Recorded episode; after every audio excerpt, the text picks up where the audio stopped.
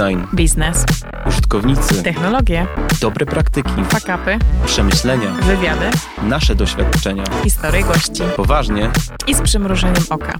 podcast Design i Biznes Zapraszam, Ilona Skarbowska i Radek Rejser.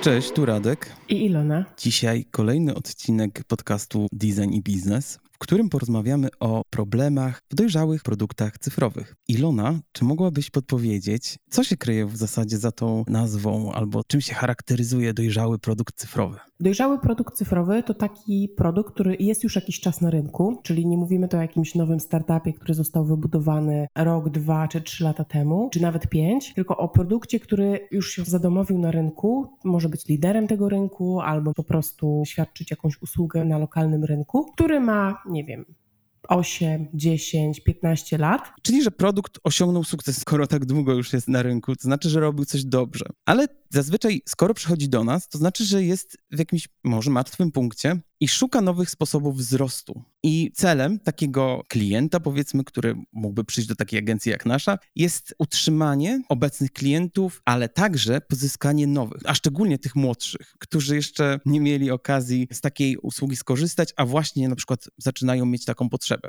I tacy klienci, jak ja obserwuję przez lata, gdzieś tam rozumieją, wiedzą to, że nowoczesny design i dobre doświadczenie klienta mogą być rozwiązaniem. Ale dlaczego tak wiele produktów,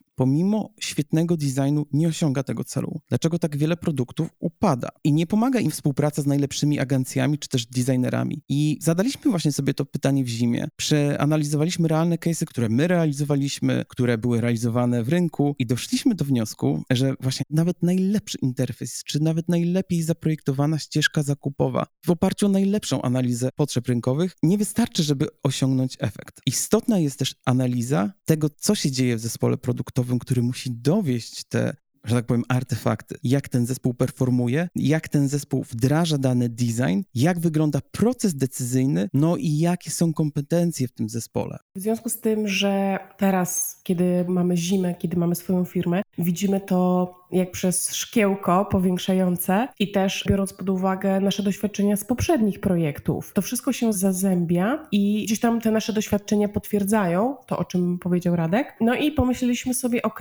jeżeli te dwie rzeczy tak mocno na siebie wpływają i są tak ważne, Czyli produkt, design i samo zaprojektowanie, tak? tak, sam projekt, sam design, ale też zespół, który realizuje dany proces, no to dziwnym byłoby nie adresować potrzeb jednej i drugiej grupy. Dlatego podzieliliśmy nasze usługi właśnie na usługi dla produktu i usługi dla zespołu. Ale znowu nie o tym chcemy dzisiaj porozmawiać, tylko chcemy podzielić się z Wami właśnie najczęstszymi problemami, które my widzimy właśnie w tych dwóch obszarach. To co, może zaczniemy od produktu. Tak, zacznijmy od produktu. Ilona, jakie byś wymieniła najczęstsze problemy dojrzałych produktach cyfrowych, Mhm. które właśnie jakby my identyfikujemy w zimie? Tak, będę wymieniać je losowo. One nie mają jakichś swoich priorytetów ze względu na to, że któryś wymienię pierwszy, a któryś ostatni. Według mnie wszystkie są tak samo ważne. Mhm. I nie wszędzie występują, prawda? Tak, tak. To nie jest tak, że wszystkie te wymienione będą występować w każdym produkcie, ale są to najczęściej powtarzające się. No i znowu, pierwsza rzecz, którą my widzimy, to jest to, że design przestaje być aktualny i atrakcyjny. Mhm. Czyli nawiążę do tego, co powiedziałam na początku w definicji dojrzałego produktu cyfrowego. To jest już produkt, który jest na rynku jakiś czas. Czyli powiedzmy, mamy produkt dziesięcioletni, mamy teraz 2023, czyli zaprojektowany powiedzmy w 2013,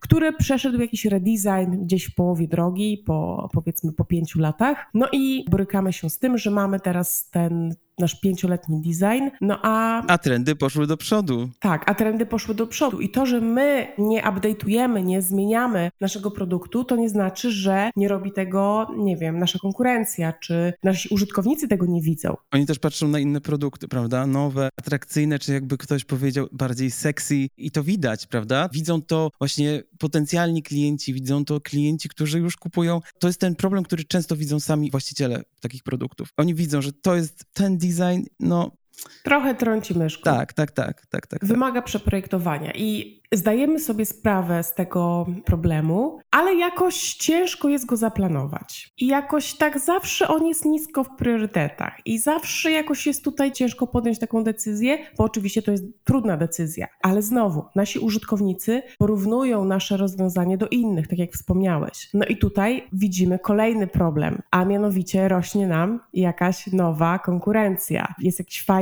nowy produkt, który na początku ignorujemy. Tak. Na początku w ogóle nie zwracamy uwagi, nie, w ogóle oni są inni, mają inny model biznesowy. I to jest też w kontekście designu i też w kontekście w ogóle jakości usługi, Tak. bo ta usługa niby jest taka sama, ale jakość, czyli właśnie sam sposób budowania doświadczenia klienta jest inny. Tak, no i takim firmom trudno walczyć o nowego klienta, a przy produktach, które są już jakiś czas na rynku, musimy cały czas pozyskiwać, powiedzmy, tych młodych odbiorców, osoby, które wchodzą na rynek, mają daną potrzebę. No i w momencie, kiedy ignorujemy taką nową konkurencję, no to nasi klienci zaczynają powoli odpływać, ci nowi do nas nie przychodzą, no i mamy problem. No i na przykład ignorowanie takiego gracza wynikające z no, nieodpowiedniego monitorowania rynku może sprawić, że nasza marka straci pozycję lidera. Tak, a powiedz mi, co to znaczy monitorowanie rynku, bo to tak brzmi, wiesz, co... Na kamerę, monitoring. Oglądanie, wiesz, stron, włączanie Brand24, wiesz, jakby co to znaczy tak naprawdę, nie? Bo to nie jest problem, który dotyczy wszystkich, ale ja mam wrażenie, że istnieje takie przekonanie, że ja monitoruję tą konkurencję. Ja wiem, co robi konkurencja, bo przecież, kiedy zaczyna się nowy rok, chyba wdrożyć nową strategię, więc wtedy robimy prezentację, porównujemy tą konkurencję, najbliższą, dalszą i niby wszystko wiemy i starcza nam na rok. Tak, no to i znowu to, o czym teraz mówisz, to określiłabym jako taki podpunkt do tego, tego problemu, o którym rozmawiamy, Aha. dlatego że faktycznie marki nie robią takiej analizy konkurencji regularnej. Właśnie w momencie, kiedy trzeba zbudować jakiś nowy produkt, czyli na samym początku, no wszyscy mówią, a zobacz, jak inni to rozwiązują, zobacz, z jakich narzędzi korzystają dzisiaj użytkownicy. No i wszyscy robią na początku research, patrzą, jak to wygląda na rynku, no i trochę zostajemy z tą wiedzą i mamy takie poczucie, że przecież my to wiemy, bo my to sprawdziliśmy. Ale wyobraźcie sobie, że ktoś zrobił taką analizę konkurencji przed tym, jak wyszedł chat GPT. No i mówi, no ale przecież ja to zrobiłem, zrobiłam rok temu, ale trzeba zwrócić uwagę na to, że świat rozwija się tak szybko i na przykład wypuszczenie czegoś takiego jak ChatGPT może totalnie zmienić nasz horyzont i sposób, w jaki użytkownicy korzystają z naszego produktu. Więc nie robienie tego regularnie niestety, ale sprawia, że nie mamy wiedzy, nie możemy zareagować w porę. To jeszcze dodam kolejny podpunkt, bo ja powiedziałem o czymś takim dużym, nie? W sensie, że robimy sobie raz na rok, ale jest, dajmy na to plan na to, że trzeba zrobić nowy feature, robimy sobie analizę konkurencji tego feature'a, patrzymy, okej, ci robią, wdrażamy podobnie albo lepiej, nawet robimy jakieś usprawnienia i tyle.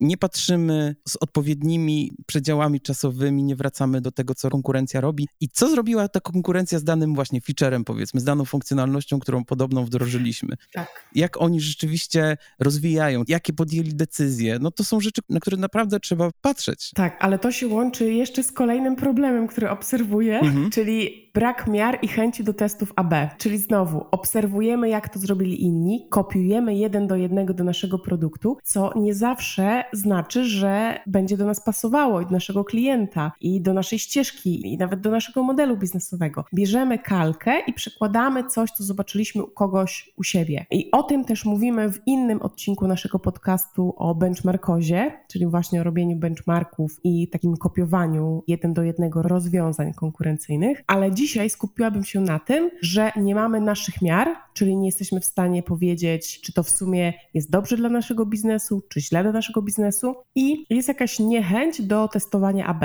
I ja też rozumiem to, bo taki test AB trwa długo. To nie jest tak, że pokażemy to pięciu użytkownikom, zbierzemy feedback i będziemy mogli iść z tym dalej. Nie. Tutaj musimy zrobić development danej funkcjonalności, albo przynajmniej jej części i musimy na żywym organizmie, czyli na naszym ruchu na stronie czy w aplikacji, musimy to przetestować. I ten proces chwilę trwa. Tak, to znowu rodzi kolejny problem. To jest to, że nie wszyscy, nawet jak już chcą testować AB, potrafią to robić dobrze, bo wypuszczenie testu AB to nie jest po prostu, o, puszczam 50% tu, 50% tu z całego ruchu, powiedzmy. Może to być tak naprawdę zabójcze dla biznesu. Trzeba wybrać taką część, powiedzmy, ruchu, która rzeczywiście nie spowoduje jakiegoś ryzyka, że nam się na przykład biznes wywali. To jest jedna z zagrożeń źle zrobionego, wdrożonego testu AB. I tych zagrożeń jest masę, których też oczywiście nie będziemy wymieniać teraz, ale jeśli nawet pojawia się ta chęć, to znowuż, jak my to mierzymy?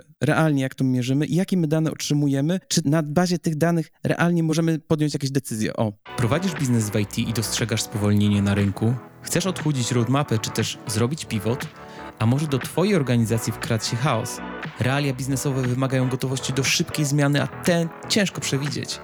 Pobierz narzędzie Business Hero Cards Jak rozwijać biznes w kryzysie, które pomoże Ci szybko sprawdzić stan zdrowia Twojego biznesu, wskazać kierunki rozwoju i zainspirować do działania. W PDF-ie znajdziesz pytania kontrolne, które warto sobie zadać w trudnym czasie, historie kryzysowe znanych marek, rozwiązania typu softy i canvy do zaplikowania w kryzysie. No i oczywiście wskazówki od naszych ekspertów, takich jak dr Aga Szustek, Szymon Negacz Sellwise czy Damian Strzelczyk z Tutlo, czyli od przedsiębiorców dla przedsiębiorców. Aby pobrać PDF z kartami bohaterów, wejdź na designzima.com i kliknij w link w menu na samej górze strony. A kolejny problem, który widzę, poza właśnie brakiem miar i chęci do testów AB, który bezpośrednio wynika właśnie z tego chociażby problemu, to jest działanie na podstawie intuicji. I o ile na samym początku biznesu trzeba dużo naszych decyzji opierać o intuicję i pewnie ta intuicja jest swego rodzaju czynnikiem też sukcesu danej marki lub usługi, to w momencie, kiedy jesteśmy na rynku już jakiś czas, możemy stracić ten azymut i znowu nie możemy oczekiwać, że wszystkie osoby w naszej organizacji też mają tą bezbłędną intuicję, a osób podejmujących decyzje jest coraz więcej. Dlatego widzę to jako poważny problem. Tak, ja myślę w ogóle, że może to wynikać też z tego, że kiedy powiedzmy tworzyliśmy ten produkt nasz cyfrowy, kiedy tworzyliśmy naszą markę, no działaliśmy w trochę innych czasach, zupełnie innych realiach, zupełnie inne były potrzeby, zupełnie inaczej wyglądał rynek, trochę inne były potrzeby naszych klientów, trochę inne były gusta naszych klientów. I ta intuicja być może działała i to jakby dobrze czuliśmy dany rynek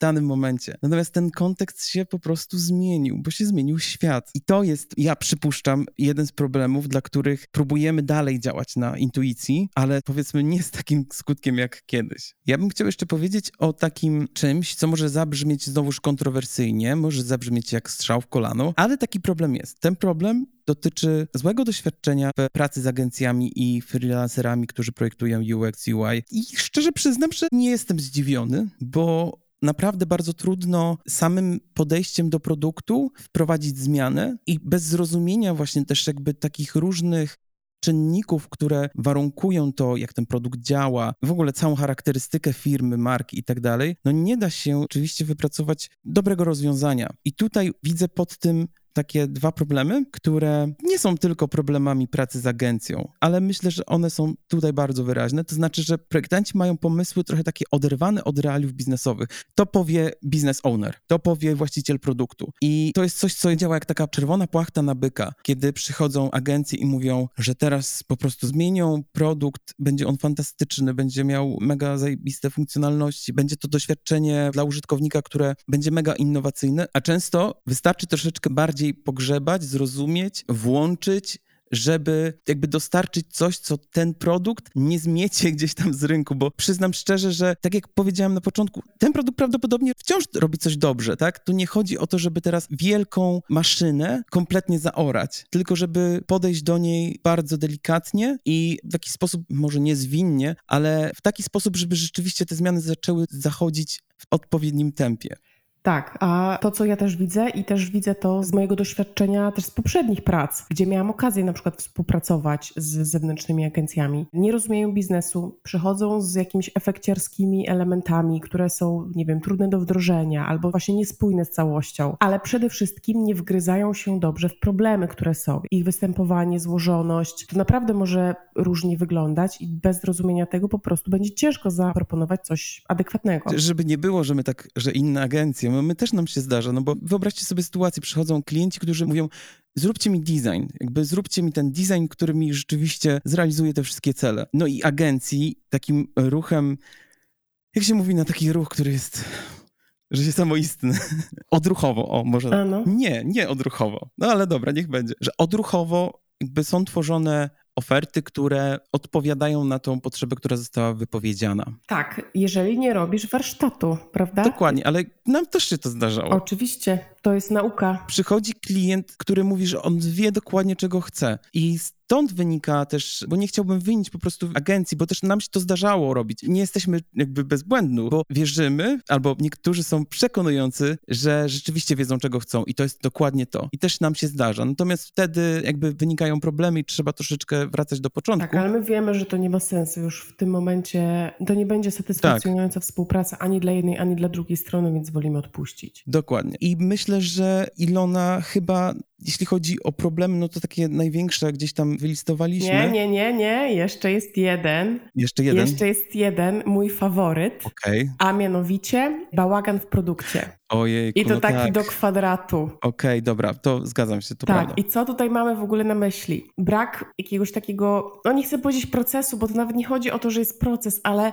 porządku w budowaniu interfejsu. Brakuje nam biblioteki. Jest na przykład pięciu designerów, każdy robi po swojemu, używa innych elementów do budowania interfejsu. I teraz pewnie właściciele biznesów, którzy nas słuchają, nie do końca mogą rozumieć, o czym mówimy, bo mówimy o świecie bardziej designerskim. No, slash deweloperskim bym powiedział. Slash deweloperskim. Bo tak bym powiedział, wymieniłbym też designerów na deweloperów, czyli jak powiedziałaś pięciu designerów robi co chce, to bym powiedział, że pięciu deweloperów robi co chce. Tak. Czyli dajmy na to mamy jednego designera, który robi dobrze, spójnie, to i tak potem mamy pięciu deweloperów, którzy robią co chcą. Tak, zależy kto dostanie, to zrobi inaczej. Tak, to też prawda. Ale tak, więc pewnie właściciele biznesów, którzy nas słuchają, mogą sobie teraz pomyśleć, ok, ale ja nie mam totalnie wiedzy, jak to skontrolować albo jak to sprawdzić. Też nie zachęcamy do mikromanagementu, żeby stać za plecami designera i patrzeć, czy używa komponentów. Niemniej jednak, jeżeli widzicie, że w waszym produkcie ścieżki użytkownika widać, że są różne i po tym, gdzie, na jakim ekranie jesteś, jesteś w stanie powiedzieć, który deweloper to wdrażał, albo właśnie który designer projektował tą daną część, to jest źle to znaczy, że jest bałagan w produkcie i o ile nie jest to świadome działanie, bo czasami przeprojektowujemy jakąś część i ona powiedzmy jest nowsza, a jakąś część robimy później, to jest w porządku, ale jeżeli to nie jest świadome działanie, no to mamy po prostu problem, bo wyobraźmy sobie, że taka osoba odchodzi, powiedzmy taki designer i przychodzi nowa osoba, która ma miliard plików i nie ma pojęcia, co jest źródłem prawdy. No robi nam się problem. Tak, a czym to skutkuje? Bałaganem w produkcie. Który? Który wpływa na użytkowników, którzy dokładnie, to widzą i dokładnie. widzą niespójność. Dobrze. Tak. No dobrze, to możemy już zakończyć omawianie takich. Jeszcze jeden. Jeszcze jeden. Jeszcze jeden. Jeszcze jeden, sorry. Nie zakończymy tego odcinka dobra, dzisiaj. Ostatni, dobra, ostatni.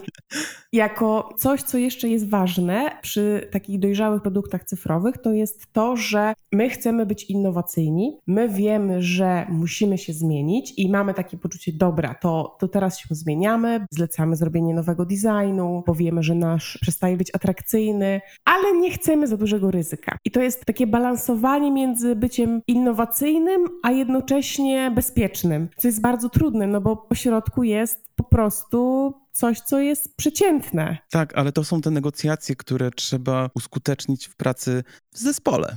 Dokładnie. No i teraz Dokładnie. możemy przejść do problemów, które występują w zespole. Tak, możemy w końcu przejść do tematu zespołu, który jest moim zdaniem bardzo ważny. Bardzo lubię ten obszar, bo uważam, że nie jest zaopiekowany wprost, nie jest to wypowiedziane, bo myślę, że to, co my robiliśmy też przez lata, a szczególnie w zimie, trochę nieświadomie, to było przez pewien czas nieświadome właśnie opiekowanie się tymi sprawami, a potem nazwanie ich, tak jak teraz tutaj przed wami je nazwiemy dokładnie, czyli opiekowanie się problemami związanymi z zespołami w dojrzałych produktach cyfrowych. Ilona, twój pierwszy problem, który widzisz? Firmy zatrudniają osoby, które nie mają umiejętności UX czy UI na poziomie wystarczającym dla danej firmy. I nie mówię, że każda firma powinna zatrudnić seniora, co byłoby oczywiście pewnie dla większości idealnym rozwiązaniem, ale jeżeli mamy dojrzały produkt cyfrowy i zatrudnimy UX designera, który jest bardzo niedoświadczony, no to możemy sobie wyrządzić dużą krzywdę. Znaczy, ja bym się chyba nie zgodził. Firmy muszą mieć przynajmniej, no w zależności od tego, jaka skala, prawda, produktu, jaki produkt i tak dalej, ale musi być ktoś doświadczony, musi być ktoś seniorski, musi ktoś lidować tymi decyzjami, musi być ktoś, kto świadomie, dobrze, mądrze pokieruje tą częścią związaną z użytkownikiem, interfejsem, z doświadczeniem, bo właśnie inaczej będzie to widoczne na interfejsie, inaczej to będzie wpływało mocno na rozwój produktu i to jest bardzo szczególne właśnie dla dojrzałego produktu cyfrowego, bo o ile zaczynamy, to też myślę, że mówiliśmy, albo jeszcze będziemy na pewno mówić, o ile zaczynamy, to ten UX, czym bliżej początku, czym młodsi jesteśmy w biznesie cyfrowym, tym mniej może tego UX-a potrzebujemy i projektanta. Ale tutaj, kiedy jesteśmy już dojrzali, ten projektant i ta ekspertyza musi być na wysokim poziomie.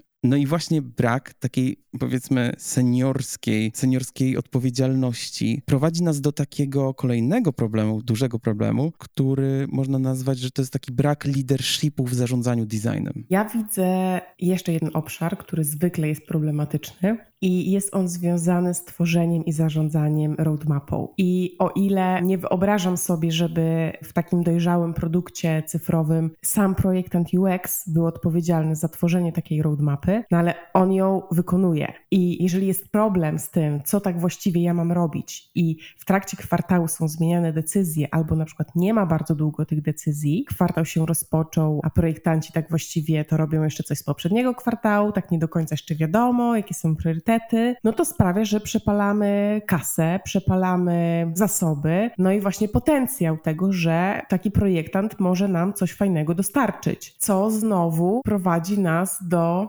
kolejnego problemu, znowu wskakujemy na poziom wyżej, a mianowicie zbyt pad decyzyjny. Dlaczego nie ma tej roadmapy? No bo jest jakiś pad decyzyjny, jest jakiś konflikt, może nie dosłownie konflikt, że ktoś się ze sobą pokłócił, ale bardziej konflikt interesów i różne spojrzenia na to, w którą stronę ma nasz produkt podążać. No i jest pad decyzyjny, nie ma stworzonego planu na kwartał czy nawet na rok, co sprawia, że mamy jakieś niezrealizowane działania albo... Nie poruszamy się do przodu, prawda, też. Tak. Tak, ja też to widzę, że jest często jedna osoba, która musi decydować o wszystkim. I w przypadku designu podejmowanie decyzji na każdym kroku albo na każdym elemencie związanym z projektem interfejsu albo z jakimś rozwiązaniem, no to jest już trochę przesada. Ale właśnie, bo tutaj jeszcze powiedzmy, jedna osoba podejmuje decyzję, która nie jest projektantem. Tak. Bo jeżeli zostawimy tą decyzyjność projektantowi, to będzie interfejs spójny. Ale jeżeli ktoś inny będzie podejmował tą decyzję, będzie chciał akceptować każdy ekran, no to wtedy mamy problem.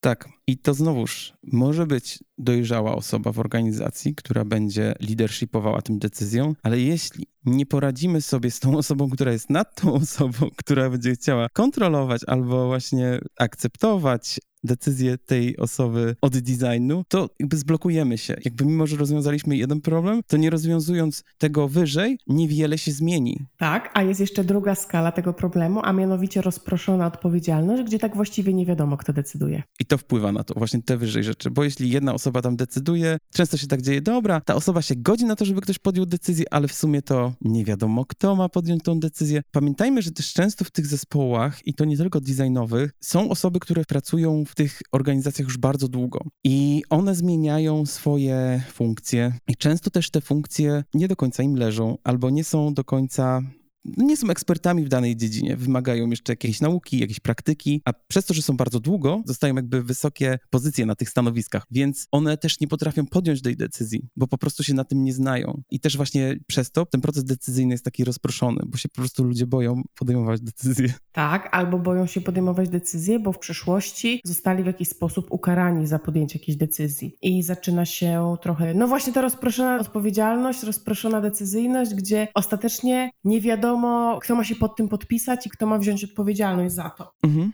Czy ja mogę wrócić do roadmapy i do kwestii projektantów w roadmapie? Jasne, jasne. Bo mi się wydaje, że też problemem dużym jest to, że nie do końca wiemy, czego możemy oczekiwać od takiego projektanta w procesie tworzenia roadmapy i jaką taką wartość projektant może rzeczywiście wnieść, bo tak jak powiedziałaś, no oczywiście my nie odpowiadamy za roadmapę i tak dalej, no ale przecież te cele biznesowe też wynikają w jakiś sposób z tego, jak dobrze rozpoznamy potrzeby użytkownika, bo odpowiadając na nie, zrealizujemy nasze cele. A więc, żeby ułożyć roadmapę, roadmapę, która będzie odpowiadała na te cele biznesowe, musimy dobrze poznać użytkownika.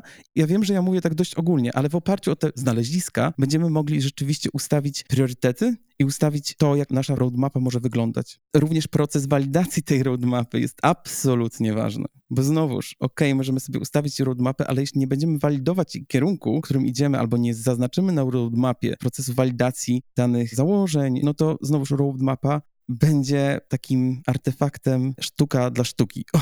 Tak, i nikt do niej nie będzie zaglądał i pod koniec kwartału się okaże, no słuchajcie, nie zrobiliśmy tego, bo A, B, C, D. Ale to znowuż jest ciekawe, bo widzisz, realizacja roadmapy trochę jest jak realizacją właśnie KPI-ów i każdy tam ma te swoje jakieś do zrealizowania i znowuż zespół się kieruje takimi swoimi partykularnymi celami, żeby zrealizować dany efekt. I to się dzieje na małej skali, tak? Czyli jako pracownik mam jakieś swoje cele do zrealizowania końcoworoczne, które muszę dowieść i dowożę je, no bo tak jakby wygląda system w mojej firmie. No ale też po coś te cele są, prawda? Tak. No bo są po to, żeby je dowieść. Oczywiście. Tylko pytanie, czy one są walidowane? Jeśli one są walidowane i są sensowne, no to znaczy, że jeśli zrealizuję, ja dostaję wartość i firma dostaje wartość, no bo zrealizowaliśmy cele, które realnie wpłynęły na biznes. I tak samo jest, jeśli te cele nie są dobrze określone, a można je określić właśnie w procesie, w procesie walidacji, w procesie właśnie zbierania wymagań, w procesie dowiadywania się od użytkownika i tak dalej, i tak dalej, no to wtedy jesteśmy w stanie pogodzić tutaj dwie rzeczy, prawda? Że nie tylko ja odbębnię swoje, ale ja odbębnię swoje i biznes na tym zyska.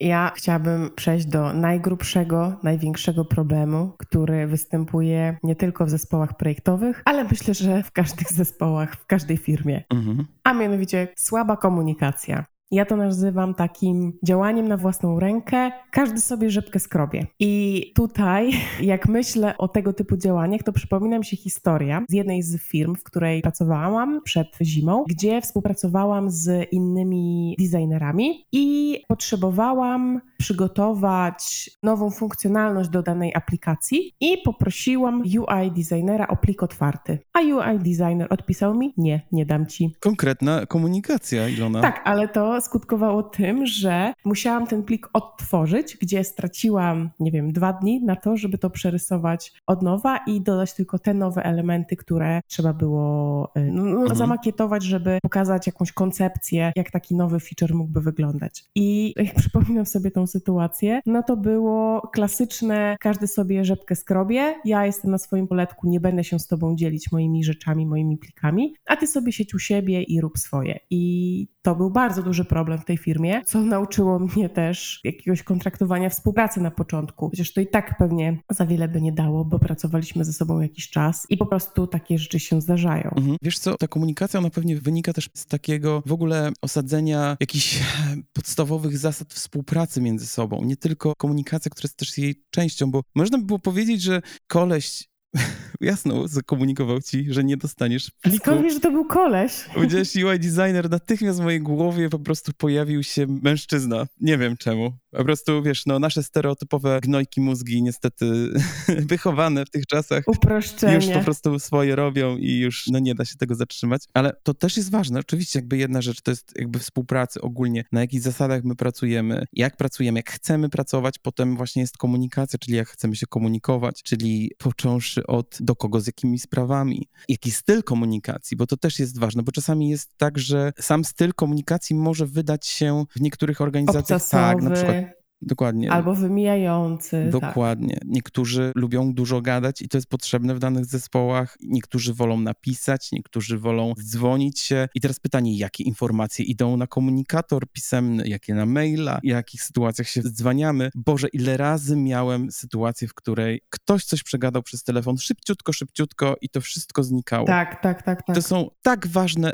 elementarne rzeczy, które właśnie wpływają na to, jak potem rozwijany jest, jak projektowany jest design organizacji i oczywiście nie tylko, ale jeśli chcemy projektować design, te rzeczy muszą w ramach tego też zadziałać i nimi się trzeba zająć. Wrócę jeszcze, znowuż zrobię taką zawrotkę do tych ekspertów UX i UI na poziomie seniorskim, ale myślę, że nie tylko. To jest też to, że jest ogromny problem z rekrutacją w firmach, bo często nie ma takiej osoby, jeśli nie ma tego leadershipu, powiedzmy, o którym wspomnieliśmy, no to wynika z tego problem związany z rekrutacją, to znaczy bardzo trudno jest zrekrutować odpowiednią osobę, która będzie pasowała do nas, do naszych problemów, naszych wyzwań, naszej organizacji. To są nie tylko kompetencje twarde, ale także kompetencje miękkie, które są warunkowane przez kulturę danej organizacji. I znowuż, jeśli nie ma takiego leadershipu, no to będzie bardzo trudno zrekrutować taką osobę, no bo product owner, ok, jest to pewnie chyba najbliższa osoba, która mogłaby zrekrutować designera, ale wciąż nie zrekrutuje tego tak dobrze, nie zweryfikuje tak dobrze jakości pracy tej osoby, kompetencji tej osoby i to jest, już pomijając fakt, że zatrudnić seniora to jest po prostu mega wyzwanie, a zatrudnić talent to jest kolejne, bo zatrudnić po prostu designera, designerkę to jest easy, ale zatrudnić eksperta bądź ekspertkę, która na różnym poziomie po prostu jest dobra. Tak to jest ogromne wyzwanie. I my mamy to wyzwanie.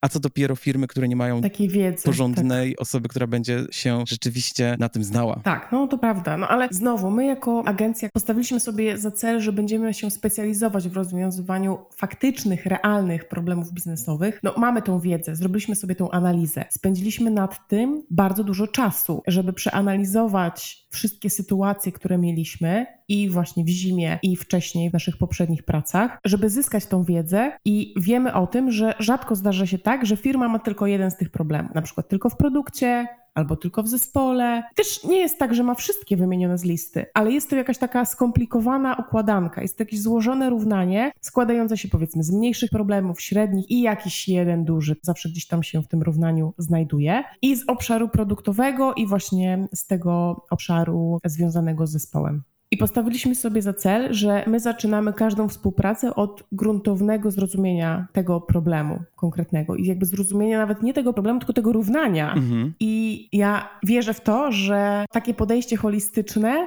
pozwala zidentyfikować właśnie jak wygląda realnie sytuacja i w jednym, i w drugim obszarze. Ja bym powiedział nawet, że to nie jest kwestia wiary, Ilon. Tak jest.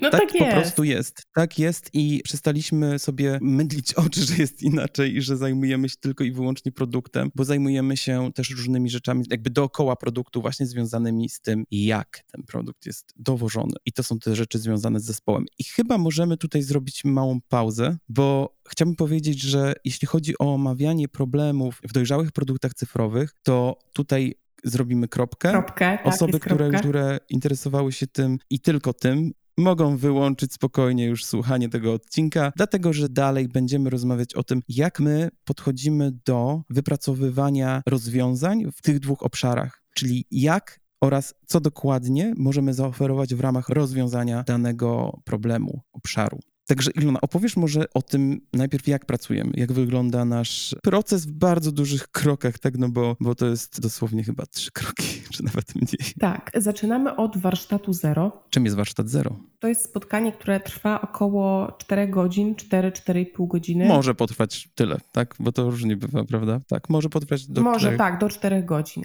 którego efektem jest analiza właśnie aktualnej sytuacji w produkcie oraz analiza aktualnej sytuacji zespołu, e, która jest swego rodzaju mapą dla nas. Czyli my tworzymy tą mapę, wiemy jak wygląda produkt, jak wygląda zespół, no i zderzając te dwa światy, jesteśmy w stanie wyjąć sobie właśnie te problemy, które zdiagnozowaliśmy. Ok, tu jest taki, tu taki, to możemy przystąpić do przygotowania planu działania. I dopiero mając zmapowane te problemy, jesteśmy w stanie przygotować plan. Tak, to co ważne jest, warsztat zero jest warsztatem, który my prowadzimy z klientem, czyli my wyciągamy od naszego klienta te wszystkie informacje, syntezujemy je i na bazie tego, ale oczywiście też naszych wcześniejszych przygotowań, audytów, jakiegoś researchu, właśnie przygotowujemy taki plan działania, o którym Ilona wspomniałaś. No i potem przygotowujemy realną ofertę, którą taki dany klient może sobie zrealizować z nami,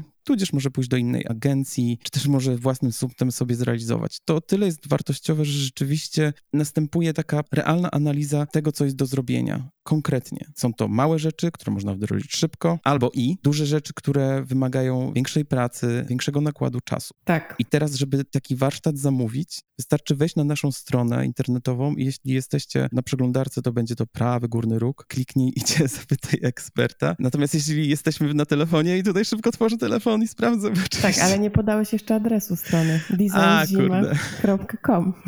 designzima.com, tak. Więc można taki warsztat zamówić. Jedno z nas, ja albo Ilona się do ciebie odezwiemy. Naszym założeniem właśnie jest to, żeby postawić analizę sytuacji w centrum, a nie proces projektowy, czyli my tutaj nie przychodzimy i nie chcemy wyjść, o, zrobimy ci teraz badanie, to i to i to. Nie, najpierw musimy dobrze zbadać ciebie, tak jak badamy najpierw Twojego klienta w procesie projektowym i potem robimy rozwiązania, to najpierw my badamy Ciebie, żebyśmy realnie mogli zrozumieć Twoje problemy, bo to nigdy tak nie jest, że my się znamy sami na sobie najlepiej. Zawsze każdy potrzebuje tej drugiej perspektywy, tego rozpoznania. Tak. tak? No, myślę, że to, co warto podkreślić na koniec, to jest to, że w centrum analizy jest Twoja sytuacja, a nie proces projektowy. Tak, dokładnie, dokładnie. A to, jak będzie wyglądał ten plan działania i wdrożenie, jest tak naprawdę wypadkową wnioskiem wniosku z analizy, którą robimy podczas warsztatu. Więc jeżeli czujesz, wiesz, że masz któreś z tych wymienionych problemów, tak jak powiedział Radek, zapraszamy na warsztat zero. Tak, a Ilona, jesteśmy po warsztacie zero i nasz klient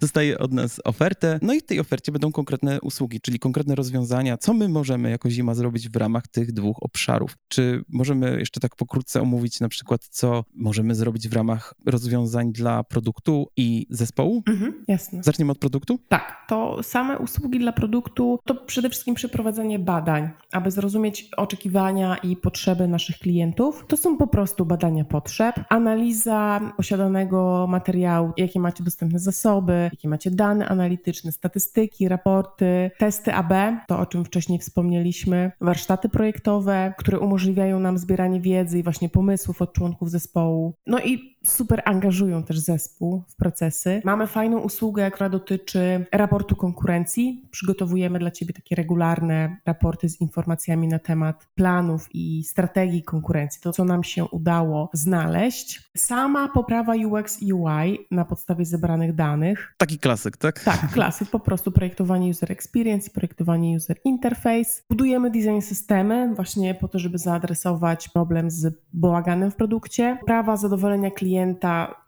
Tutaj pod tym hasłem kryje się tworzenie strategii doświadczeń. Wiem, że takie sformułowanie strategia doświadczeń jest dosyć zamglone, ale zanim przejdziemy do wdrożenia, no to zwykle jakąś strategię biznesową mamy, więc dokładnie tak samo dzieje się w przypadku strategii doświadczeń klienta. Czyli jakie chcemy emocje budować u klientów? Czy oni mają się czuć zaopiekowani, czy mają czuć się, nie wiem, wyręczeni, czy mamy dostarczyć im przyjemnie spędzony czas? Jakby tego jest masa i to właśnie wypracowujemy, ale co jest istotne, to to, że my budujemy jeszcze miary do tego doświadczenia, czyli ok, na ile doświadczenie z daną usługą czy produktem jest dla ciebie fajne, ale też na ile jest takie, jakie chcemy, żeby było. Czyli na ile na przykład czujesz się zaopiekowany. Mierzymy to i sprawdzamy, tak żebyśmy mogli non-stop sprawdzać i tak naprawdę polepszać produkt w kierunku, którym sobie wyznaczyliśmy w tej strategii, tak? Czy my realnie doświadczenie budujemy takie, jakie chcemy. To jest super istotne, bo to no, tak zamglone to doświadczenie klienta bardzo trudno zmierzyć, ale bez mierzenia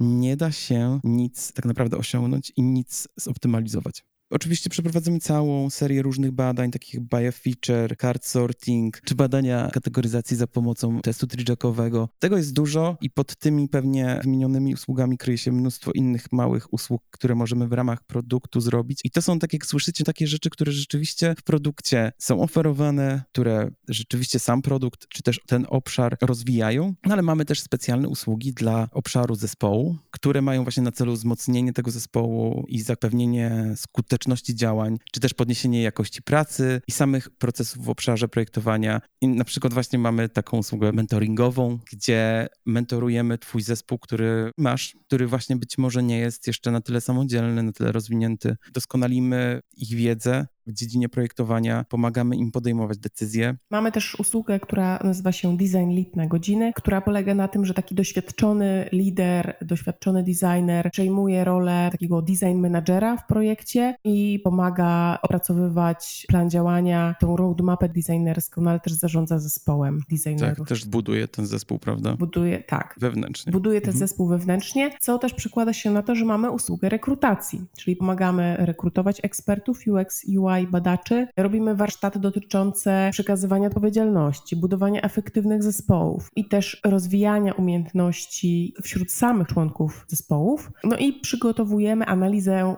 pracy Twojego zespołu i procesów Dzięki temu może zidentyfikować właśnie obszary, gdzie można coś poprawić albo ulepszyć. Warsztaty dotyczące właśnie decyzyjności adresują problem pata decyzyjnego, więc to, o czym tutaj mówimy, bezpośrednio wynika z problemów, które zidentyfikowaliśmy. Tak, i takich usług jeszcze może być więcej. Oczywiście to jest kwestia tego rozpoznania. Tutaj podaliśmy jakieś przykładowe. Natomiast myślę, że warto odwiedzić naszą stronę internetową www.designzima.com, poczytać sobie więcej, a najlepiej od razu kliknąć Zapytaj eksperta i skontaktować się z nami, jeśli chcecie dowiedzieć się więcej, bezpośrednio właśnie porozmawiać na temat tych usług, albo jak moglibyśmy podejść do tego, żeby jakieś usługi dla Was skomponować i zrealizować. Myślę, że dzisiaj to chyba będzie tyle. Bardzo dziękujemy za wysłuchanie tego odcinka. Ja mam jeszcze takie pytanie, jeśli macie jakieś przemyślenia na temat właśnie problemów, może jesteście właśnie właścicielami produktu cyfrowego, który już jest parę lat na rynku i może nie szukacie